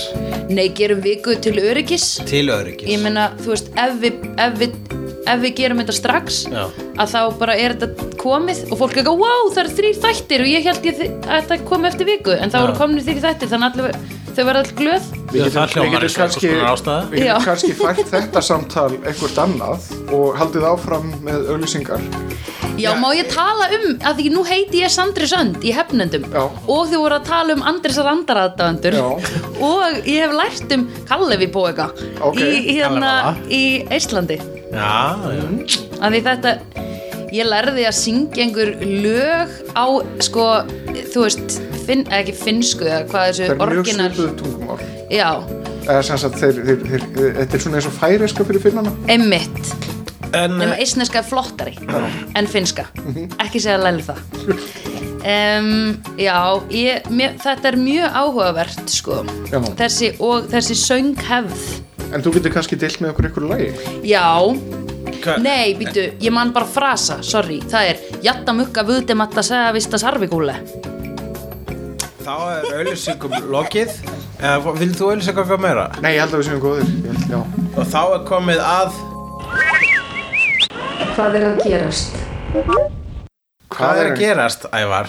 Um, ég er að skrá niður tímana hérna svo að það er að klippa þetta vegna þess að við erum ekki lengur að klippa þetta sjálfur Veistu þannig að við þurfum, við þurfum svolítið svona að vera meðvitaður um það. Hvað er að gerast? Uh, ok, fyrsta hvað er að gerast ég með þetta tilbúið hérna. Mhm. ok. Uh, veitu uh, Wonder Woman 2 Já. verður fyrsta kvikmyndin til þess að taka upp nýja sexual harassment prevention eða sem sagt uh, aðferðafræði til þess að forðast kynfyrirslega áreitni á setti Já, sem er eitthvað svona, eitthvað svona nýtt protokól sem þeir hjá PGA, Producers Guild of America eða, eða félag hvernig framleiðenda? hvernig svo aðferða fræði? ég veit það ekki, þeir fóru ekkert út í það. Þetta er bara, er eitthvað svona uh, væntalega þá er eitthvað svona trúnaðmaður og, og eitthvað reglur í sambandi það. Vondi vona lemur þá sem að Það klípa í rassa alltaf frábært ef að svo væri. Já. Hvenær gerist aftur Wonder Woman 2? Var hún ekki eitthvað svona 60s eða eitthvað? Ég vona það. Ka- Ég held að það sé kalda stríðsmynd. Já, mér finnst, mér finnst hérna, sjarmirandi að halda sér í fortíðinu meðan á vandúman Jú, jú, það vissulega. Kannski getum samt Herðu, ég var að horfa á Wonder Woman sjóarstættina frá 70 og eitthvað. Með Lindu Carter. Lindu Carter. Heyrðu, heyrðu, heyrðu, heyrðu þegar ég var að horfa ég, ég, fyrsta serían er svolítið leiðileg. Hún gerist á nasista tíma. Mhm. og uh, það svona, hún er ekki alveg búin að finna sig. Og það er líka eitthvað svona vantar að svona, smá svona uh, fabulousness Já. þannig að þau færa þetta aðeins framar í tíman uh, yfir í 70s þegar þau gera næstu serju þar sem Wonder Woman hérna, hittir uh, svon Steve uh, hvað heitir aftur hérna? Steve Holt. Nei ekki Steve Holt. Ég, ég nefnilega hugsa bara alltaf hérna, Stone Cold Steve Austin. Ekki Steve Austin og ekki Steve Rogers. Ok, Stevie Wonder. Og er það ekki Steve Rogers? Steve Rogers er Captain America ævar. Hvernig læt ég? Um, og fin- finnur finnur alltaf svon hérna mannsins sem hún var skotin í fyrir serju og hún var svona bara svona ú, þau var svona svona dara við hvort annað í þessari nýju serju og en ég hugsaði en hvað ef að hann er sonur hennar? Síðan hugsaði nei, hún myndi náttúrulega vita það verandi svo sem að myndi hafa fætt það barn. Steve En Trevor. þá hætti ég að hugsa það. Steve Trevor. En alltaf, en er það ekki svona eins og Captain America að daðra við hérna, dótturinnar uh, Carter það er pínu þannig ætli, ætli ef að þú ert sko eilífur ha, Þetta getur verið stóra spurningin. Uh, Máttu þá, ok, alltaf fram Ef þú ert eilífur og hérna ert skotin í konu Já, og svo hérna bara verður svona bara, að ég get ekki verið með lengur því að ég eldist ekki en þú eldist og þú veist, einstinni erum við öll minna, þú alvöru, Ok. veist, ha, erum við að vera saman þegar þú ert 90 ára og ég er ennþá 28 ára? Allavega eh, bara verum hérna raunsæ. Þetta, alltaf, alltaf þegar fólk er svona eilíft eins og Highlander eða Angel eða Wonder Woman þá, og lendir í sambandi þá mun að koma þeim tímapunkti þar sem þarf það að eiga þetta samtal. Já, að segja- ég, er, ég, veit, ég er hetja og ég er ekkit super sjálfjó og ég er mjög góðu gaur og svona en þú veist, við erum raunsæði þú veist, ég er ekkit að fara að vera eitthvað sérstaklega skotinu því að þú ert elli ær og bara, þú veist, með allt lafandi. Já, en Highlander var með þarna uh, litlu stelpunum sem hann bjargaði á nasista tímum sem er rítara já, hann var ekki að sofa hjá henni Hver veit aldrei að henni. Átti eitthvað svona ástriðu fullt samband já, en akkur, ertu að koma því að? Vegna þess að það, þar elst hann upp með mannesku og hann er eilífur og hún er þarna á Já, en það er aldrei gefið skinn að þau eigu romantísku sambandi. Þú ert bara að tróða því að svona, hver veit, kannski, þú ert að búa til eitthvað slash fiction hérna, ekki slash fiction fanfiction, slash fiction þá var það samkynneitt Ok, ok. en hérna Uh, þú veist, en hann er, þú veist, hann bjargaði litlu stelpur frá nazistónum Já. svo er hún fyllt honum bara sem vinur og er hérna engareitir hans gömul kona í Ok. nútímanum eða 80s og, og þeir allir hlusta bara á Queen Mhm. en uh, þa það er samt ekki, þann mun aldrei eiga það samtal bara svona ég þarf að hætta að hitta þig það, það þeirra áttu í romantísku sambandi Já, ég skil þig, ég skil og líka hérna ég meina Angel, hann er með Buffy og hann, þú veist, ef hann hefði haldið áfram að vera með Buffy og Buffy er hann gömul kona og hann ennþá ungur þá hefði fólk byrjað svona "Huh, er þetta ekki svolítið skrítið samband? Þú veist, þú stungið saman nefjum og síðan hugsað, er hann vampíra? Þú veist, það er jafnvel svona afhjúpað eitthvað lindamál Hann hefði kannski, hefði getað falið hann svona í einhverju húsi og þú veist hann hefði aldrei hefði hún geta falið hann? Hefði hún geta svona fritslað hann? Já, Ói Er þetta ekki sama samt og, og hérna og hérna muni eftir Dave, nei, Brad Pitt myndinni? Mm. Þar var svona Já, Benjamin veist- Button. Já, þegar hún ólst venjulega Já. og hann ólst aftur á bak Já. og þau hittust í miðjunni Já. og áttu heitast ástarsambandi í heimi. Já, svo engist hann og verður svona meira óþróskaður og hún eldist og verður þróskuð og lokum þá er hann svona orðin smábann í höndum Já. gamallar konu já Já, það er svona það er öðruvísi svona árekstrar þar en er vissulega í svipuðu mengi. Þú veist, þannig að það- er í raun og veru bara ákveðin tímapunktur öll þessi sambönd. Ef við gefum okkur það að að annar aðilinn elskar ekki hinn þegar allt er orðið lafandi eins og þú segir. eins og það er á lafandi. Ég mun elska þig þó allt sé lafandi. Já, það ein- hefur enginn gefið þetta lag skilur þannig að það er bara bersýnlegt Hérna, Hann samt að næstu því reyndar hann Adam Sandler í kvikmyndir í Wedding Singer I wanna grow old with you Já. Even let you hold the nei, I wanna control. grow old with you Það já. er Já, já, eh, þetta, hann, einmitt, verður hann verður líka gamall Já, sko. þú veist, fyrst að allt er lafandi á báðum aðilum Já. Þá getur þau bara svona farið í svona í svona sameigilegt lavandi kynlíf þar sem Mhm. er svona, svona flengja saman lavandi pört Já, laflíf eins og við kallum það. Dinglumdangl, kalla ég þetta. Ég var að hafa smá dinglumdangl í kvöld. En, En það er sem ég ekki vildi bara- sagt hafa Já, er það, og það er skemmtir að þú skildi segja Steve Holt. Já. vegna þess að ég sé síðan, það er eitthvað vond kona ok. í einum þættinum í, í, í 70s Wonder Woman og ég bara, rosalega þetta kunnulega kona. Og svo allt henni bara oh, þetta er Lucille Bluth og þá sá ég unga Lucille Bluth ah, í 70s Wonder Woman. Það var eitt af mínum uppáháls aha momentum í glápi ever. Þannig að ég aldrei séð hana unga. Nei, einmitt. En hún er náttúrulega verið leikona alla sín æfi Já. og er þarna eitthvað að drekka mig og svo- plotta gegn Wonder Oh my Woman. God, veistu, ég lendi í þessi gær. Já, Má ég segja, Já, sorry, ég var Ok. klára þú. Nei, ég var svo spennt Nei, ég ætla að segja að hún virkar á mig eins og, eins og manneskja sem hefur verið glæsileg ung kona og er glæsileg eldri kona hún er nefnilega sko og var jafnglæsleg þegar hún var ung og var líka sko, hún var eins og hún væri Lucille, vegna svo hún var svona vond og að plotta og að drekka koktela En núna langar mér rosalega mikið að vita hvað Sandra. Sandra er að halda inn í sér Herðu, ég horfði á allar mennin Black myndirnar Ok. á, í gær og fyrradag, eða sérst sunnudag og í gær Já. og þar sá ég ungan Tobias Tobias Fjunke Já, hann leikur í tveimur myndum sem vídeogæin Í- Gæin sem á vídeosölu, já. Já? Nefnilega munið ekki eftir honum að því þegar ég haf. Já, þegar ég hef hort á Men in Black fyrir löngu síðan þá náttúrulega þekkti ég hann ekki. Já.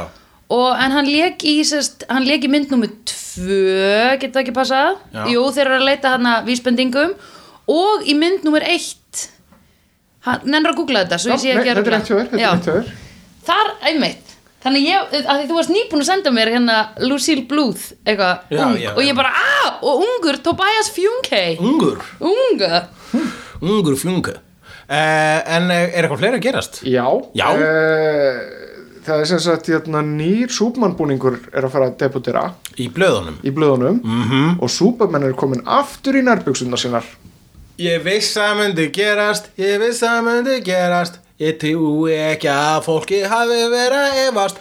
Nærbusunar komnar aftur Ekki til að skama sín fyrir. Dan, dan, dan. Eitt er enda með þetta er Kraftur það, að það er ákveðin. Já, kraft ah, já, já. Það er enda ákveðin kenning með súpmannarbyggsundar að þeir hafi tekið þær af til þess að hérna, vera með bögg við Sjústur og Síkel erfingjana sem voru að reyna að byggja um peninga fyrir sköpunarverk þeir eh, sem sagt uh, skapara súpmann Já, og að, að DC hafi ákvaða að taka hann á nærbjörnsunum til þess að sína sjáðu við getum breytt honum og, og sett hann í nýjan búning og hann, hann, það er ekkert neitt sem að þið getur gert höfundarétt á. Þannig að það breytist höfundarétturinn og færir brókina af. Það er kenning. Já. Aftur á móti þá hef ég þú veist, þetta er brandari þú veist, að, að súma sér heimskur og merkin það er að hann klæðist nærbjörnsunum utan þig Já, það er alltaf svona, var vinsæll brandari hjá fólki að benda á það að Superman væri með nærbuksunar utan ef Superman er svona frábær að vera með nærbuksunar utan og, Já, og, ég og það- þetta. við, við því sagði ég uh, fyrir ekki líka Captain America og líka Batman og líka fullt af öðrum þú veist, ef þú ætlar að fara að rústa sko, einn, þú veist, fókusaði sko. Já, Já, Mér ætlar að fara að vera eitthvað svona, ef ætlar að nota þessi rök gegn ofurhetjum, þá skaldu bara gera heimavinnuna þína, sagði ég og var síðan lamin. nei, nei, nei En er þetta ekki af praktískum ástæðum? nei, nei, þú varst ekkert lamin Ekki segja þetta Nei, nei, nei, Hérna, nei, nei, nei, þetta hefur bara verið eitthvað miskilningur Já. já, já, hann hefur bara verið að aðra við eh, Er þetta ekki, sko, eru þeir ekki, eru gæjanir ekki í spandexskalla innan undir og svo fara í nærbusunar yfir til þess að geta verið með gadgetbeltið utan á sér. Það er bara Batman sko. Nú er Superman ekki, hann er Hann ekki er með gadget. hann- hann er bara gadget sterkur. Hann er bara með, já, hann bara getur allt og leysir augu og, og, og, og heyrir Superman, allt og, Superman, Superman hvað er það í raun og veru sem hann kann? Kann hann, í, kann hann að elda ísu flög eða kann hann bara eintóm fantatök Þetta er góð spurning. Uh, Næsta er að það er hérna það er uh, orðkvittur í gangi um Black Widow solomynd loksins. -hmm. sem að Kondu hérna, fagnandi Black Widow solo mynd. hlakka mikið til að sjá og ég vona að verði það veruleika. Uh, Næst er það Hún mætti hérna- þó vegna þess að Black Widow er ljósærð í Infinity War og mætti vera aftur rauðhærð fyrir uh, sólómyndina vegna þess að það er svona eiginlega hennar einkinnismerki að vera rauðhærð þó þeir ignora reyndar rauðahárið á Daredevil í Daredevil þáttunum en uh, ég fyrir ekki að það vegna þess að þættinir eru os to Á the hann ekki on. bara að vera strawberry blond Strawberry blond, jú, jú, ok. Hmm, millistig.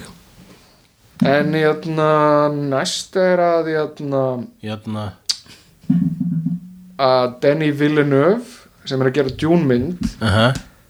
hann segir að þetta verði Star Wars fyrir fullorna Já, og hvað hérna, skýtu margir í brækunar af, af, af uh, nixlan við þau orð.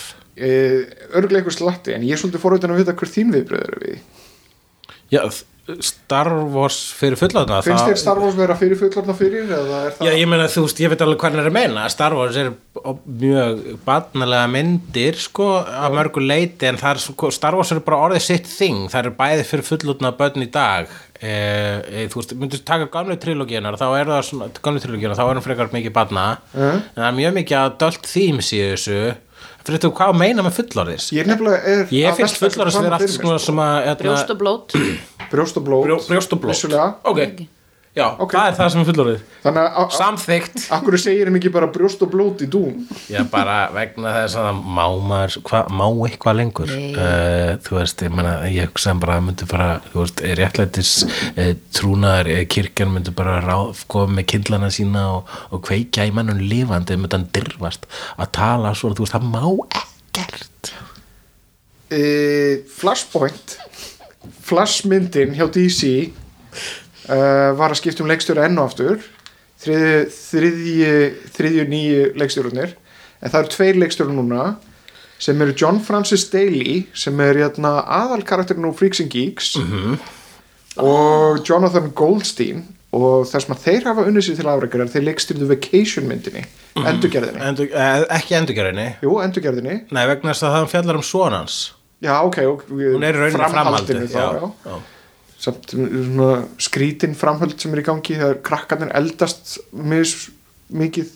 Já, ertu, að- ertu að segja að tímalínan í Vacation Universe er uh, á reiki? Hún er mikið á reiki Já, Börnin líka breyta alltaf um andlit. Já, en í European Vacation þá var Audrey eldri heldur en Rusty mm. börn þeirra. Og síðan svissuður þeir e, í, etna, í Christmas Vacation sem er mjög óþægilegt. Já Já, er aðteglisvert ekki, ekki, þetta er ekki mjög heilagur heimur sem er í gangi þarna allavega. Uh, en þeir líka skrifuðu Spider-Man Homecoming. Já, sem að eh, er frábær mynd og ef þeirra, ef að sú ef að flashmyndin nær svipum eh, hæðum þar þá er það náttúrulega æðislegt. Þá er að tala um flash með honum Ezra Miller. Mm. Það sem mér þætti vera, þeir ættu svona eiginlega ganga frá sem allra fyrst er það að hann verður ekki lengur í þessum asnalega búningi sem hann var í Justice League. Já, skrítið að sjá flash í bara svona þungri brynju. Já, ég skila á áttur vegna þess að að myndi ekki geta hlaupið sem hratt uh, að þess að þú veist, hann myndi bara hann myndi hlaupa flugu og fara hún gegnum hann. Hann þarf að vera í brynju. En eða ekki, eða þú bara skrifar inn í handritið. Við fundum upp spandex sem er mjög, mjög góðum flugnavara. Já.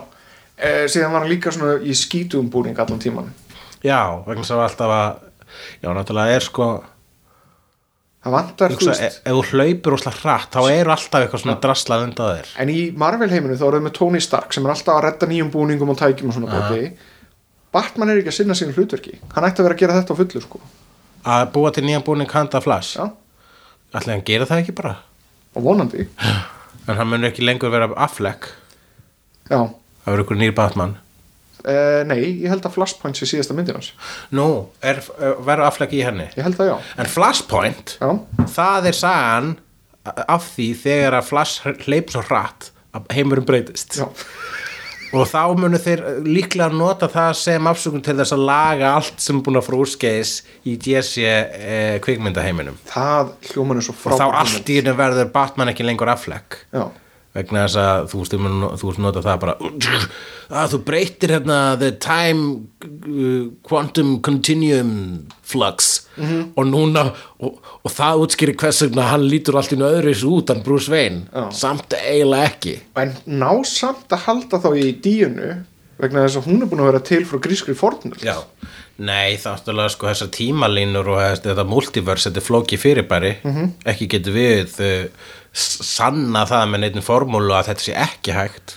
Mér sýnst Sandra vera farin að tjúna út. Já, Nei, ég er alveg að fylgjast með. Fyndið því ég var að hugsa ég var að, ég var að hugsa um það í dag þegar ég var lítil að, Í og dag þegar þú varst lítil? Í dag hugsaði um þegar ég var lítil. Og ég var á dag. Back to the Future. Svo miklu stælarhulli. Leiðum konin að tala. er Já, fyrir ekki, fyrir ekki auðvitað, talaðu hvað var þetta eitthvað hashtag hlusta eitthvað? Jó, jó, Já, hlusta. hlusta Ó, ég man ekki hashtaggi lengur sem þú bjóst til fyrir okkur. Uh, Nenna að fokking hlusta á okkur. Já, hérna um, að þá hugsaði ég þegar ég horf á Back to the Future af hverju um, vísindamenn og fólk uh, ringdu ekki bara í framleiðendur á þeirri mynd til þess að vita hvernig að búa til tímavél að ég held sérst að Back to the Future fólkið væri búið að mastera það að búið til tímavél en væri ekki búið að segja vísindafólki frá því Já en ég fatt að skilur að bíómyndin væri búin til og hún væri fictional Þetta er En- einn indislegasta eskuminning sem ég hef heyrt um í langan tíma Þetta er einmitt sko, hérna, þetta er svona svipa á æsku, ég man að gulli frændi, hann var bara, kannski er híminn til. Kannski maður sem skrifaði híminn var bara mjög, mjög stóran kíki. og ég hugsaði, það er ekki útilokað. Nei, einmitt. það er- kannski var með rosa kíki og fylgdist með og fjarska, hann, hann hefur samt sko, líklega ekki heyrt hvað neinu, hétu, þannig að hann hugsa, þess að hétu hímenn, kannski hét hímenn Galarandri Kra, eitthvað slags. eins og með, eins með með Star Wars Wars. mikilvægast með Star Wars er þetta a long time ago in a galaxy far far away. Já. þá gæti þetta hafa gerst. Einmitt. það kannski, er svo fallegt það er svo kannski fallegt fann að þetta George Lucas eitthvað svona, eh, kannski var eitthvað svona gagnabanki sem var verið að flytja á milli staða já, og hann rapaði á jörðinni. Nákvæmlega. Og George Lucas fann hann. Svona R2-D2 og síðan bara hefur Já. hann verið að spila hitt og þetta. Einmitt, hann er með eitthvað svona R2-D2 og fritslaðan í kjallarann sem var að spila allt æfintýrið og svo var sko hérna prequel hérna fælarnir voru bilaðir. Æ, ég verð bara að fylla upp í þessar reyður Já, ég gera það með minna einn ínu dagblei No one will know the difference. En ég meina það hlýtur að vera að það er til svo mikið ógeðslega grilluð efni. Eitthvað af þessu hlýtur að vera til. Sko, samkvæmt múlti, já, áttu við að eitthvað af skáldskap hlýtur að vera satt. Já, og geimverum og öllu þessu dóti. Ég er ekki samkvæmt f- f- fjöl þetta multiverskenningunni þá eru til óendalega margir heimar. Já. Sem þýðir að óen, ef það er óendanlegt að til, bara- þá er, einn heim, þá er hímen heimurinn til Já, og Star Wars heimurinn Já. og Back to og the Future. Já. og, og þá líka til heimur þar sem að hímen og tinni eru til í sama heimi og svo er til all, annar heimur þar sem hímen og tinni eru til í sama heimi nema allir með pípuhatt Já, Já, og þú- svo framvegis. Og einhvers staðar í einhverjum heiminum er, eru sem sagt vísindamenn sem eru náttúrulega allir vinir og saman Já. í grúpu og er hvernig finnum við upp tímavél? Hörðu, sáuðu myndina núna? já. einhver starf er vísindumar í öðrum heimi sem það eru svona hvernig við gera þessa tímavél? Svo ringir síminn og það er bara hello, my name is Sandra I am from Iceland. Have you seen Back to the Framtíð You need flux capacitor. I just got the most curious call from a young girl in Iceland. Svo far hún alltaf þakkið og Robert Zemeckis bara já, ég Já. gerði reyndar hérna, myndina það var hérna, maður sem kom aftur úr framtíðinni Já, og mér upplýsingarnar. Ég ætlaði nú að fá að gera framhaldsmynd sko en, uh, Sorry, ég er eiginlega með einhver réttin á þessari tímavél Doc Nei, við setjum hana bara í nærbuxur og þá er þetta ekki lengur hinn réttur. Ég er með Doc Brown fritslaða niður í kjallara hann er búin að segja mig frá þessu flux kapasitor fyrir löngu sko uh, Já, uh, síðasta hvað er að gerast sem að ég ætla að henda hérna í búkið er að Reed Morano sem var aðal leikstjórin á Handmaid's Tale. Sem er Rick Moranis úr öðrum veruleika. Nei, það er uh, sjálfstæður einstaklingur sem er ótengdur Rick Moranis. Mm var að hitta Kathleen Kennedy sem að hefur tökla og haldir í, hérna, í uh, Star Wars heiminum Já, akkurat, sem að er aðal uh, reitstjóri Star Wars í dag. Já, og hefur alltaf verið eiginlega. Og já, varð hundur Star Wars. Já, ekki alltaf, nei, nei, nei, hún var lengi vel þarna sann hún var, hún var alls þar annar staðar enn í Star Wars. Það var bara Lucasfilm og George Lucas og allt það en hún var, Ok, ok. En hún aftur á móti, ég held að hún sé gift Frank Marshall sem að gæti hafa verið eitthvað viðriðin. Veit það ekki, Jæja. en hérna Reed Morano er samt frábærleiksturi eins og sjáum á af, af hérna, Handmaid's Tale og ég er mjög spenntur fyrir tilhugsunum það að hún sé að fara að gera eitthvað sniðut Kathleen Kennedy og Reed Morano fyrir að starfa saman. Já, Já. Það gæti verið Star Wars, það gæti verið eitthvað annað. Hvað með Star Wars sem er líka Handmaid's Tale? Mögulega. Við erum allan með hæfileika ríka leikstýru og Hæfileik- heilan heim af skemmtur og sitt Hæfileika reyka Hæfileika reyka leikstýru. Já. Já, jú, úf, þetta var erfitt. Segð þú þetta Sandra. Hæfileika líka reikst Nei, ég get ekki. Ég er, að- ég er að átta mig alltaf og Hæfileika smátt á rík því. leikstýra. það er eitt af, eitt af svona Hæfileika reyka Hæfileika ríka leikstýru. Já, eitt af Andrés er sem að leikarar hafa haft gagvart handritur sem ég skrifaði það að ég er með svo ógeðslega mikið á tongue twisters ég var alltaf að heyra það út af Stellu Blomqvist. Og það var bara, hvern, það getur ekki sagt þetta? Já, já, já. Meðan ég, meðan ég segi þetta fara mjög svo leikandi létt. Já, Segðu, það fer að hæfileika ríka verða- leikstýran var Andrés að randa randándi Ok, pappaþingarar og tangtvistarar Shit maður. Það er þitt fortæ Eh, Þá er komið að málefni dagsins. Nei, jú Málefni dagsins. og uh, fyrst að það er 100. og 50. þáttu þá skelltu við hérna á síðustu stundu Ask Us Anything á uh, hefnenda síðuna og við reyndar fengu við eina sem við glemdum aðan í stóra spurningin en það við skulum bara byrja á henni þannig að fyrsta uh, uh, mér finnst, spurningin mér, mér, mér erum við ekki búin að taka þetta fyrir í, í, í, hérna, í skilabóð frá plánundinu jörð það eru komnir sko, ógæslega marga spurningar. Konar ógeðslega margar Já. spurningar? Það, ok, ok. Já. Og, og hvað, við bara ekki að svara þeim núna? Jú, jú, við skulum bara svara þeim. Svara þeim. Ok, hérna, fyrst skulum svara þessari hérna, pælingu frá uh, sem, þeim sem sendi okkur skilaboð. sem er frábær pæling bæði hvar, hvar fer maður aftur hérna í, veit það ekki. Þar spyr ein, hann Kjartanvalur, Kjartansson, hann segir Ég var að hugsa um daginn um andabæ. Er það ekki svolítið rasíst staðarnafn, svolítið eins og ég væri frá Hvítafólksborg, sérstaklega þar sem það búa önnur dýr í andabæ. Veit ég hvort þetta hafi verið rætt áður eða sé efni í stóra spurningu, ég kasta þessu fram. Þetta er svo sannlega efni í stóra spurningu. Mér finnst þetta stórkosti spurning en á sama tíma mann er, er maður líka með þetta það að það til eitthvað fyrirbæri sem heitir Chinatown Já, en Chinatown er hverfi þar sem að er mjög marg, sem er kallað Chinatown, það er ekki, það er ekki nefnt Chinatown. Nei, það er samt, þú veist, það kemur samt, svolítið að rasískum ástæðum, þar, þar eru kínverðarnir og þar þeir að halda sig. Rasískum ástæðum samt. Já, ég menna að þetta heitir eitthvað annað hverfið, það er bara kallað Chinatown. Já, er þessu öllu að smala saman í það hverfi? uh, nei, Af þeir bara einhvern veginn sapnast saman þar. Já, en þá er, hvað er þá rasísk, rasismin?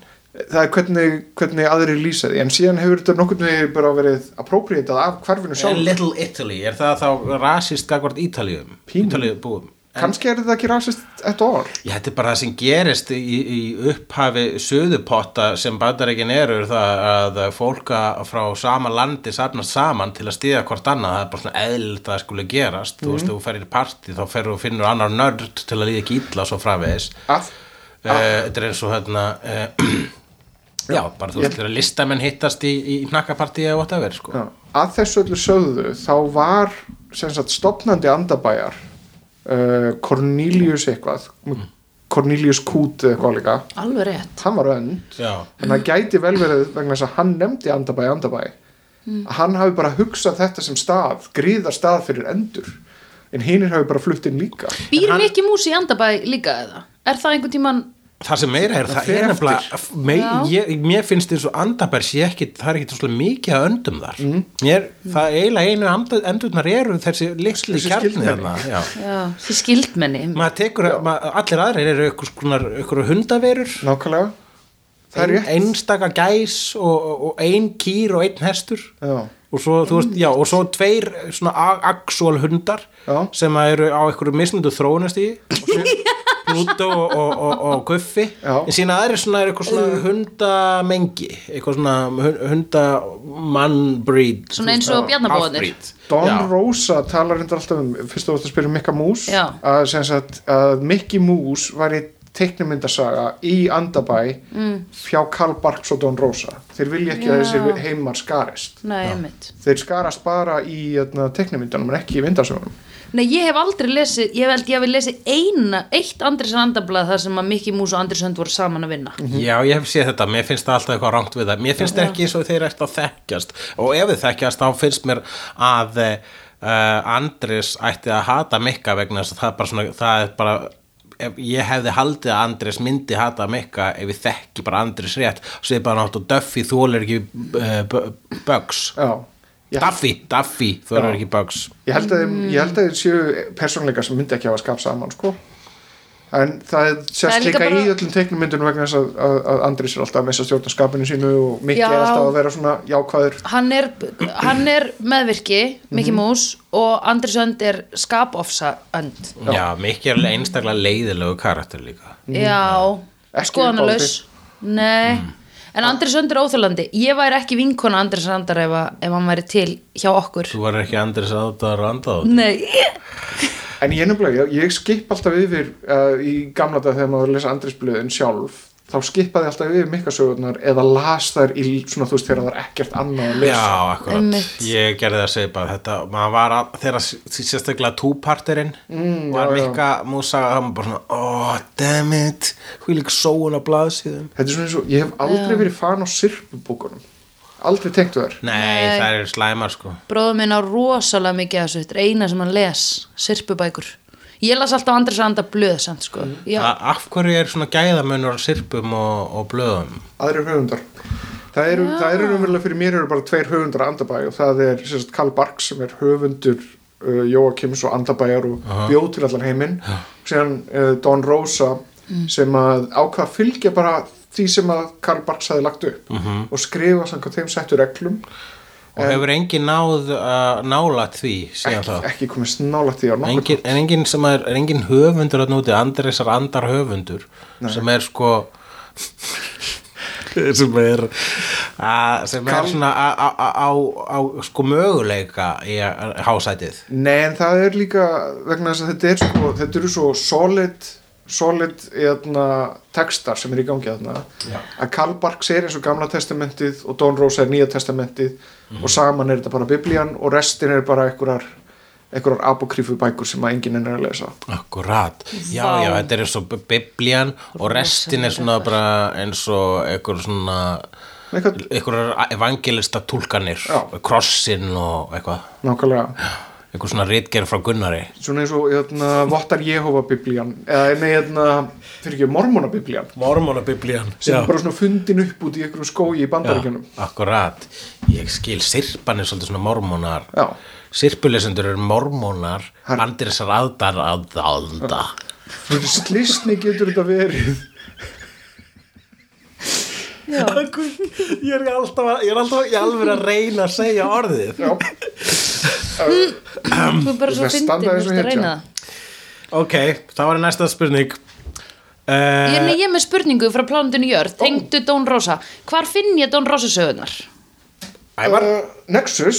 Já, Next Þar er, þar eru þeir uh, með til sölu sem sagt, eitthvað sem heitir The Don Rosa Library þar Ok. sem þeir eru að byrta allar sögur sem Don Rosa hefur skrifað nokkuð tíman já.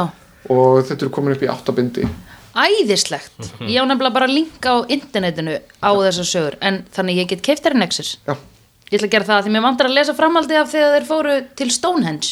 Já, já. Það er mikið sem gerist þar Já, það er.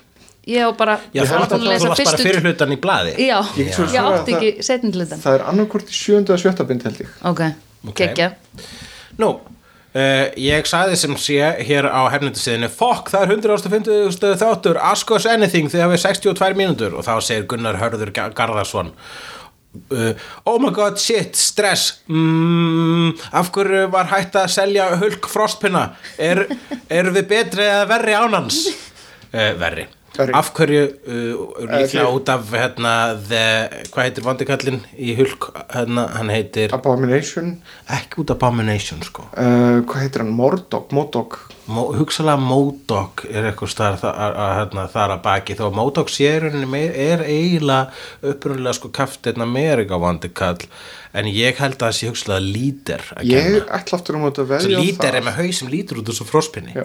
og hann hefur lítið á þessa fros- frospinna s- eh, sem eh, grín til höfuðs sér til höfuðs.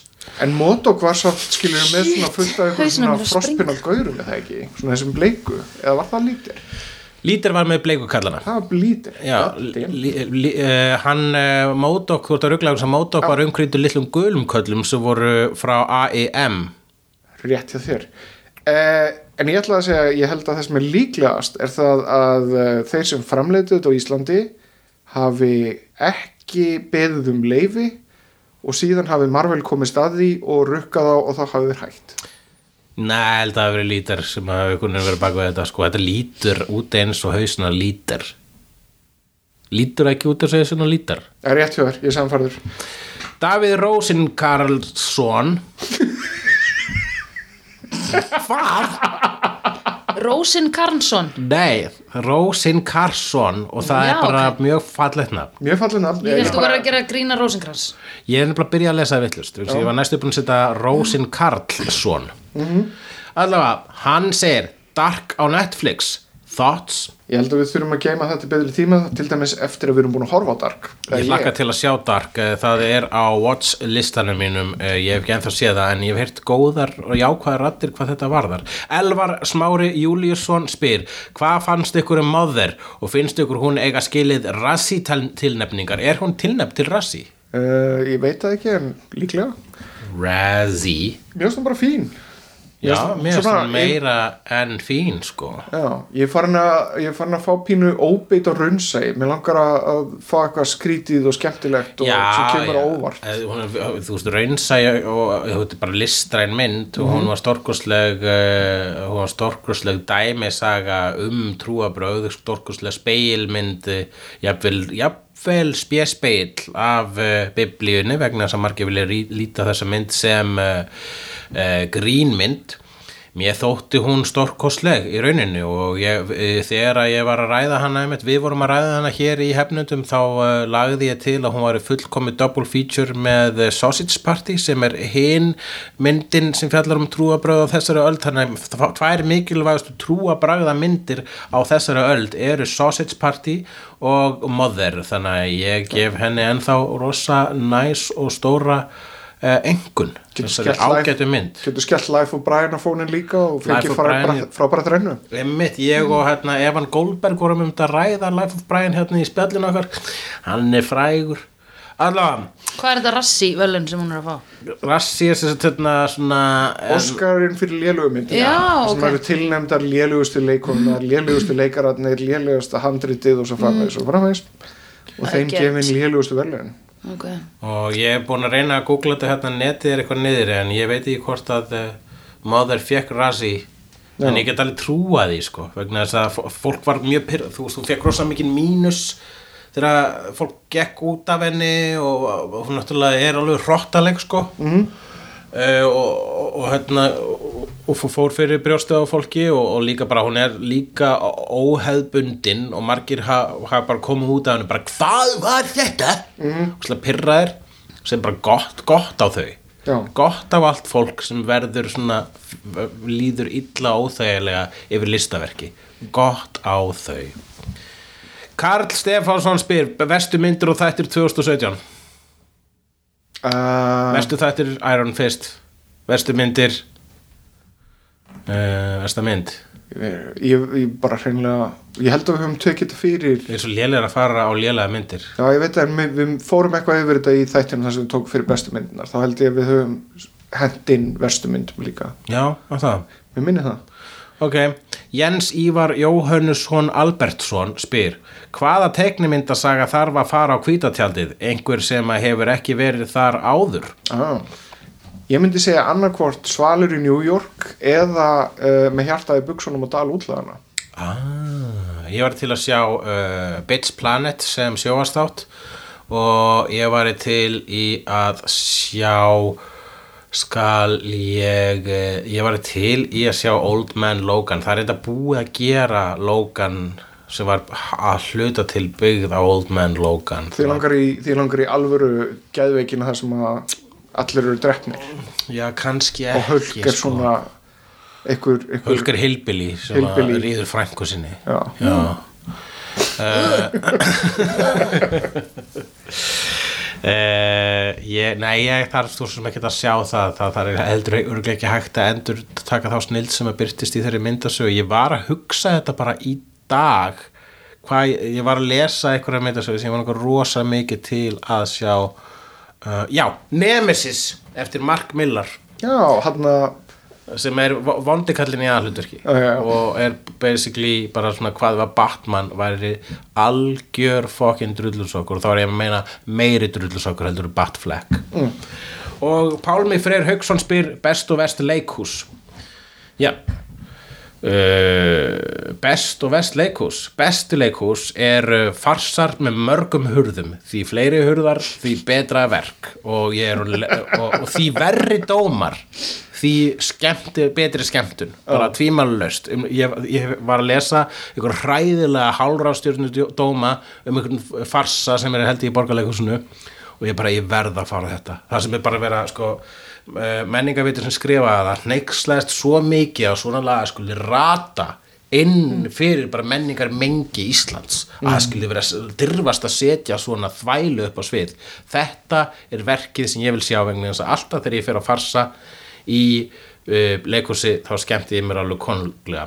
Verst leikhús, allt sem er komment á samfélagið í dag það er alveg umulegt, sérstaklega er komment á íslenskt samfélag. Guð blessi Ísland svo sett Ég, ég sagði ekki neitt. Nei. Hugrún uh, Lilja Jóhann spyr besta sjóarserja allra tíma?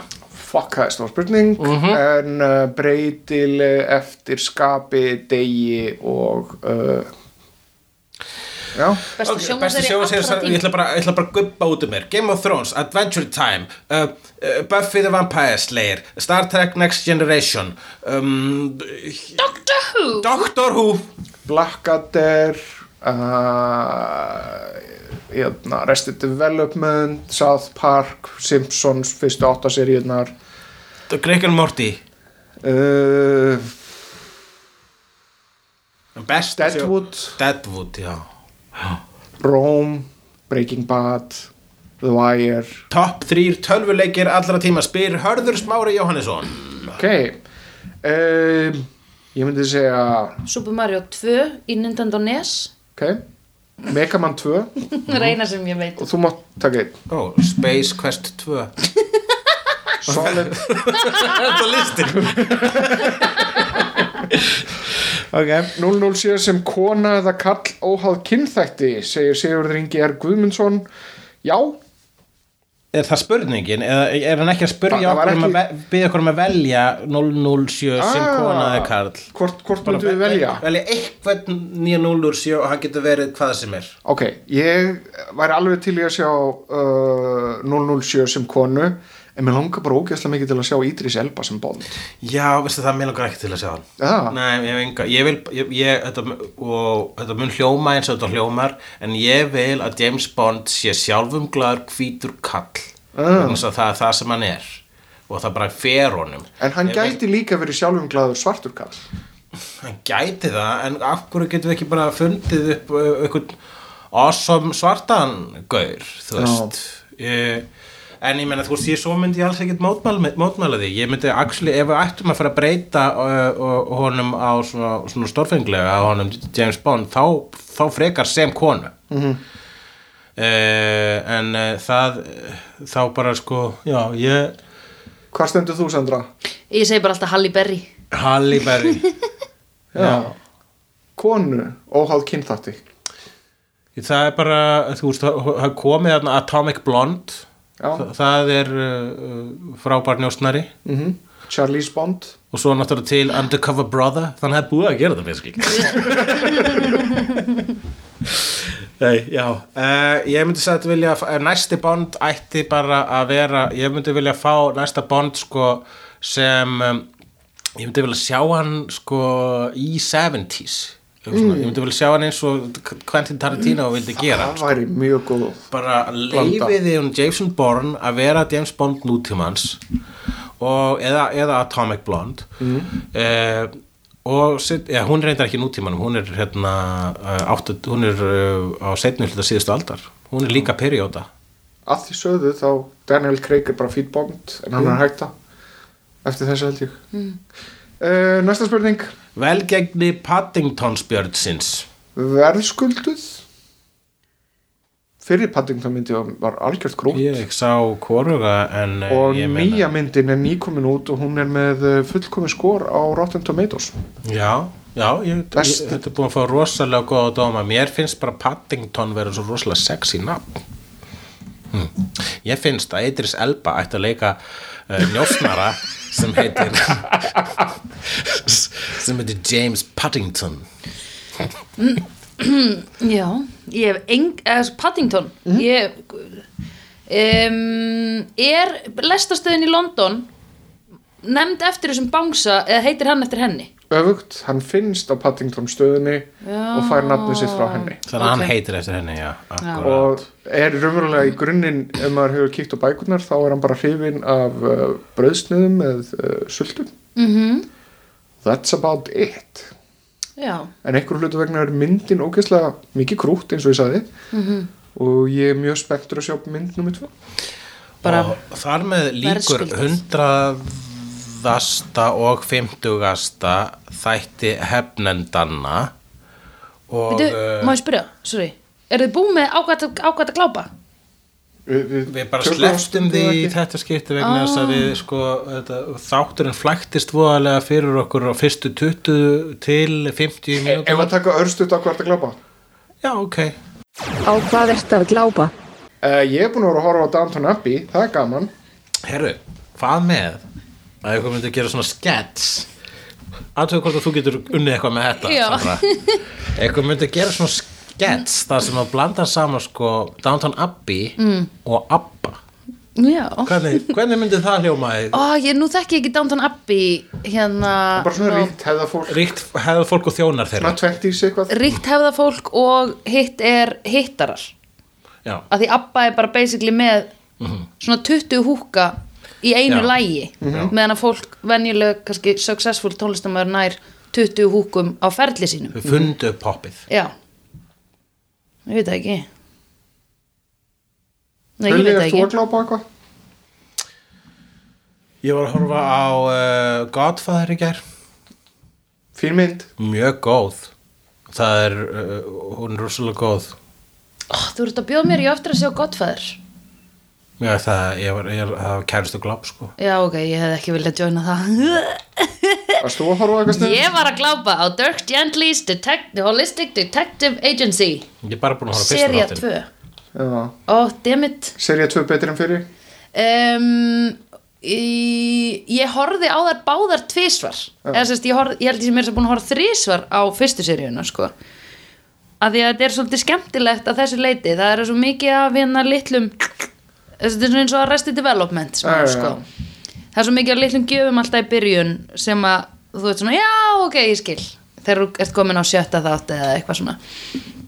Ég mæli með þessu en ég var samt að lesa að það kemur ekki þriða seri af þessu. Nú, akkur ekki? Þetta er ekki meir af því þetta er einungis að fá 245.000 245.000 views per week á Netflix. Og það hefur minkað um held ég þú veist, sko, 30.000 síðan að fyrsta serían kom. Þannig að Netflix segir mm, I nobody got time for that. Síðan endar Max Landi sem er svona að skrifa þetta og Já. aðalprodúsin já, hann er búin að fá á sig eitthvað svona sliðru orð með að hann sé skítalli korf hægi, Já, hann líka. hvað gerði hann að segiru aftur? Hann er að skrifa þetta. Hann skrifaði fyrir Dr. Who eða ekki? Nei. hver skrifaði fyrir Dr. Who sem er í þessum þáttum uh, Douglas Adams sem skrifaði upphálegu sögurnar Já, nei, ekki hann, skrifaði hann fyrir Dr. Who? Já, Ó, það, það var í gamla gamla daga. Já, já, já, way back when. Já, Er hann til en þá í alvöru þessi Douglas Adams? en hann dó mm, 90 eitthvað. Kjarta áfall á hlaupabretti. Íkt óöpinn já. Já, þetta er nú, ég ætla samt að horfa á þess að þetta Já, do it en uh, Já, þó að sé Perri að skrifa þá Nei, ekki Perri, þó að sé uh, Fáviti að skrifa þá já, Dónagall dónakall uh, en ég, ég ætla bara að segja ég, ég ætla að var að reyna að koma þessu hérna á svona uh, svona einlægar slóðir aðan þegar ég var að, vildi, Já, var að ræða það hérna, að eh, við, við erum með 100. og 50. þátt hér af hefnundum nunum mm. og uh, ég vil þakka þér kæri uh, Ævar. Nei, þakka þér kærlega herra Hulli. Fyrir að fylgja mér og fyrir að lefa mér að fylgja þér. Sömu liðis í gegnum þess að þætti, ég vil þakka þér Sandra fyrir að hafa tekið hér þá þú ert nú búin að vera gestu hér áður og, og vera þáttakandi í slegðu sem að er afsprengi hefnendan nananananana Bara takk fyrir að hafa mig í þáttinn. Já, þannig að lokum þá bara um, og takk kæru jarðabúar takk kæru jarðabúar Downtown Abbey, bæði mamma og pappi, nenn að horfa á það. En ég fær bara í bað, á meðan þau horfa á það. Kanski mun ég horfa á það setna á streymi þjónustu og aðeins góði Guð vil muta hvort ég fíla það stundun Ég var reynda búin að horfa fyrstu þrjá seríunar með fyrf og kæró En svo hættu við saman og ég nefndi ekki að horfa því að ekki var gaman. Að vera einni við þessu hefðar fólki Ég misti af því þegar hundurinn dó. Reyndar hétt hundurinn æsis og ég skild hversögna hún var skrifuð út því að æsis er ekki lengur gott nafn á hunda þó og ég vil ekki stunda.